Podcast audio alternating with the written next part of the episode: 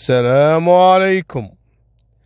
في 2018 حصلت جريمة لكن من أغرب الجرائم اللي حصلت في مصر وتحديدا في المعادي. هذه قصة واحد ينقال إسماعيل. إسماعيل صاحب مقهى ورجل شغيل وعنده خير وتزوج في 2016 واستمرت حياته طبيعي. 2016 2017 2018 حصلت له مشكلة مع زوجته. في يوم وليلة الرجل شعر بأنه عاجز عن أداء يعني واجبه الزوجي. فهمتوها طبعا. الرجل في البداية قال ممكن إن هذه مثل ما تقولون يعني شيء عرضي ويختفي. آه شيء ممكن مر عليه وممكن إنه مع الوقت أو لأن ظروفه أو نفسيته أو شيء أثر على يعني صحته آه الزوجية. لكن الموضوع تطور. الموضوع استمر معاه أكثر من سنة. هني بدا الرجل يوسوس أنا شفيني أنا كذا يروح يراجع الأطباء والدكاترة وكذا. قالوا له ما فيك شيء. يعني ما فيك شيء عضوي. ممكن هذه نفسية ضغوطات الحياة ممكن هالمشاكل هذه ممكن تأثر. المهم الرجل يعني قال بتكل على الله. فعلا رجع وضع طبيعي ويشتغل وكذا ونسى الموضوع. لكن ما تزال عنده المشكلة المشكلة الجنسية. لكن يوم جاله واحد من أصدقائه وهذا السوسة حسبي الله عليه قال له يعني هذا يبي يفضفض له مسكين. قال أنا عندي مشكلة وما قاعد أدي دوري يعني في الحياة الزوجية وأنا متضايق وزوجتي بدت تتضايق مني وممكن حاسة إن فيني شيء وإن أنا مش راقل ومن هالكلام هذا. طاح له بواحد سوسة. رفيجة إيش قال له؟ قال له أنا عاوز أقول لك حاجة بس والله أنا خايف إنك تفهمني غلط. قال اي شنو المشكلة؟ آه قال له أنت تعرف أحمد عبد العاطي؟ أحمد عبد العاطي؟ مين أحمد عبد العاطي؟ قال له أحمد عبد العاطي بتاع ال بتاع ال الكبدة وال العربان اللي يبيع في واحد عنده عربانة صغيرة في نفس الشارع وهذا جار إسماعيل اسمه أحمد عبد العاطي يبيع كبدة يبيع بومبار ممبار هذا. تعرفون ممبار اللي هي أحشاء الغنم والبقر وكذا يسوون لها فيها اكله هذه. المهم قال أنت تعرف أحمد عبد العاطي؟ قال آه بعرفه. قال هذا جاري. قال أنا يوم من الأيام كنت عنده وعاوز أخذ منه ممبار ومحاشي وكذا سمعت في ناس كانت جاية عنده كانوا عاوزين منه إنه يعمل لهم عمل اللي هو سحر.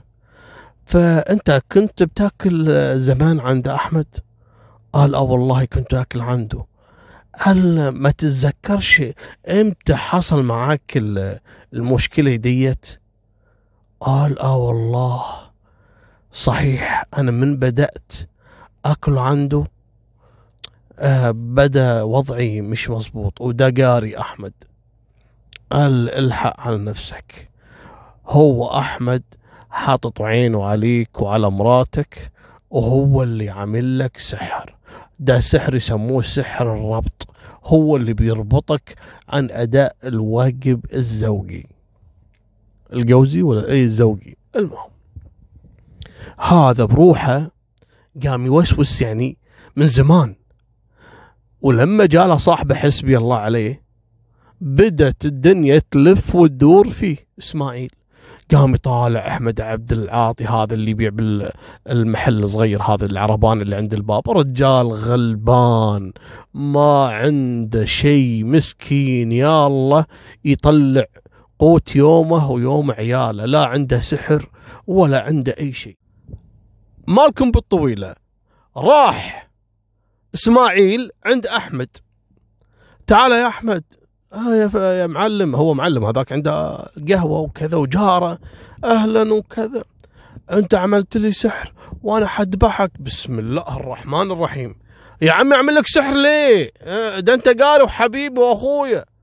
لا أنت اللي عامل لي سحر. اعترف يا أحمد أنا عاوزك تفك السحر. والله حذبحك.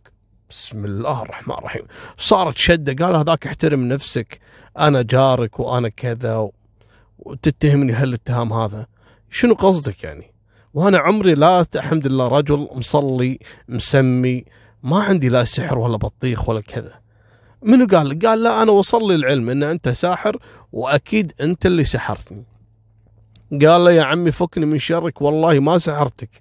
قال له أنت المهم صار شد بينهم صار ضرب قام إسماعيل وضرب أحمد عبد العاطي وهدده قال له أنا بعطيك مهلة لحد بكرة إذا ما فك السحر وأنا أديت واجبي زوجي يعني أنت مصر على السحر وراح أذبحك. المهم تدخلت زوجة المسكين هذا أحمد عبد العاطي شافت زوجها يتهاوش ومسكت جارة جارهم هذا إسماعيل يا ابن الحلال وخر إيش تبي أنت؟ إحنا ناس غلابة حرام عليك. قال له هذا جوزك هو اللي عمل لي سحر. قالت له ابن الحلال إحنا ما نعرف بالسحر حرام عليك اللي قاعد تقوله. المهم فرقوهم على إنه ينطر إسماعيل. أحمد اليوم الثاني يفك عنا السحر. الرجال ما عنده في أمور السحر. لكن قال هذا ممكن ظروف الحياة وكذا ورجل يعني بدا يوسوس. ممكن. فسكت عشان جاره سكت وبلع العافية وبلع الضربه اللي خذاها من جاره إسماعيل. راح ويا زوجته حق سوق ال- اللحوم واشتروا أحشاء ال- الأغنام والأبقار عشان يسوونها اللي هي المحاشي أو اللي يسمونها عفوا آه، المنبار باللغة المصرية. ورجعوا. هذا في اليوم الثاني من الضربة قالت له يا آه، أحمد قبل ما تنزل تعال افطر يعني قبل ما تفتح المح... ال- العربانة وتبيع كبدة وكذا. قال سوي لي فطاري على ما أنزل أنا أرتب العربانة لأن العربانة تحت عند الباب. قالت له أوكي نزل. فتح العربانه قاعد ينظف كذا على ما زوجته تسوي له الافطار. ولا على مرت إسماعيل. ها أنت عملت إيه؟ فتحت السحر ولا لا؟ قال يا عمي الله يخليه حبيبي أقسم بالله أنا مالي في السحر. واللي قالك والله ظلمني وظلمك. يا ابن الحلال أنا ما عندي مشاكل في هالامور ولا أحب السحر ولا أخاف الله من السحر. فكري من شرك. قال ماشي ماشي. وصار عاد شد بينهم وتدخلوا الناس اللي بالشارع. إيه مالكم يا جماعة صلوا على النبي. المهم إسماعيل راح حق المقهى فتح المقهى ويطالع حق أحمد من بعيد. وأحمد شنو؟ قاعد ينظف هالعربانة. راح أحمد ترك العربانة وراح حق نفس البقال أو السوق آه، آه، نفس السوبر ماركت. يبي يشتري شغلة حق إنه يطبخ فيها المحاشي. وفعلا مر من جنب المقهى. شاف إسماعيل. إسماعيل يطالعه وأحمد يطالع إسماعيل من بعيد. قال يا عمي هذا الشبي فيني لا حول ولا قوة إلا بالله. المهم راح اشترى زجاجة خل. تعرفون بطل هذا المال الخل؟ الخل اللي يستخدمونه في الطبخ وكذا. وهو راجع ويشوفه إسماعيل. ويشوف بإيد أحمد اللي هو الزجاجة هذا البطل. وفي خل. قال كمان جايب لي آه، الزقاقه اللي فيها السحر. لا حول ولا قال له يا عمي هذا خل خل. علشان أروح أطبخ يا ابن فكني من شرك. وجايب عشان ترميه على المقهى وتقطع رزق كمان. خلاص هذاك حط أحمد عبد العاطي برأسه. قام على طول سحب السكين وأنت جاي كمان قدام القهوة وعاوز ترمي السحر عند القهوة؟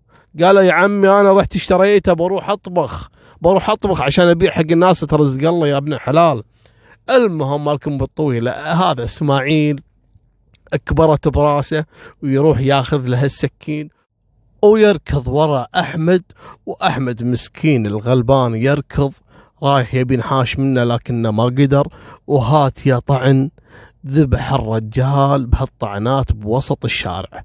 الناس تدخلت صلى على النبي صلى على مو عارفين شنو القصة. المهم ونزلت زوجة أحمد تبي تقول له تعال افطر ولا هذا زوجها بنص الشارع ميت مذبوح بهالسكين وفوق راسه إسماعيل اللي قال قاعد يصارخ طبعا يقول له أنت اللي سحرتني وأنت اللي زيك لازم يموت ومالكم بالطويل حضروا رجال الأمن والقوا القبض على إسماعيل واحالوا جثة أحمد إلى الطب الشرعي. بالتحقيق مع إسماعيل قال لهم القصة هذا سحرني وهذا سوى فيني وهذا سوى فيني. لما راحوا فحصوا شقة أحمد وفحصوا أهله وسألوا الناس والجيران ولا الرجال غلبان ماله في السحر. قالوا حق إسماعيل أنت منو؟ قال لك أصلا إن هذا سحر. قال صاحبي فلان. راحوا ألقوا القبض على صاحبه. تعال يسوس أنت أنت مو قايل حق إسماعيل إن أحمد هو اللي ساحره؟ قال لا كذاب أنا كنت أهزر معاه وأنا يخرب بيتك. وهذا الخبل صدق راح ذبح الرجال بدون أي ذنب. يقول لك حتى هذا أحمد الغلبان كانوا يعرفون كل أهل المنطقة إنه إنسان طيب وأخلاق ومصلي مسمي ما عنده لا سحر ولا من هالكلام وحضروا جنازته. كثير من الناس وترحموا عليه. ولا في ناس بعد قدمت له يعني معونة حق أهله وزوجته وعياله. وانتهت قصة أحمد اللي راح ضحية وسواس إسماعيل بسبة السوسة صاحبه. وهذه نهاية سالفتنا وفمان الله مع السلامة.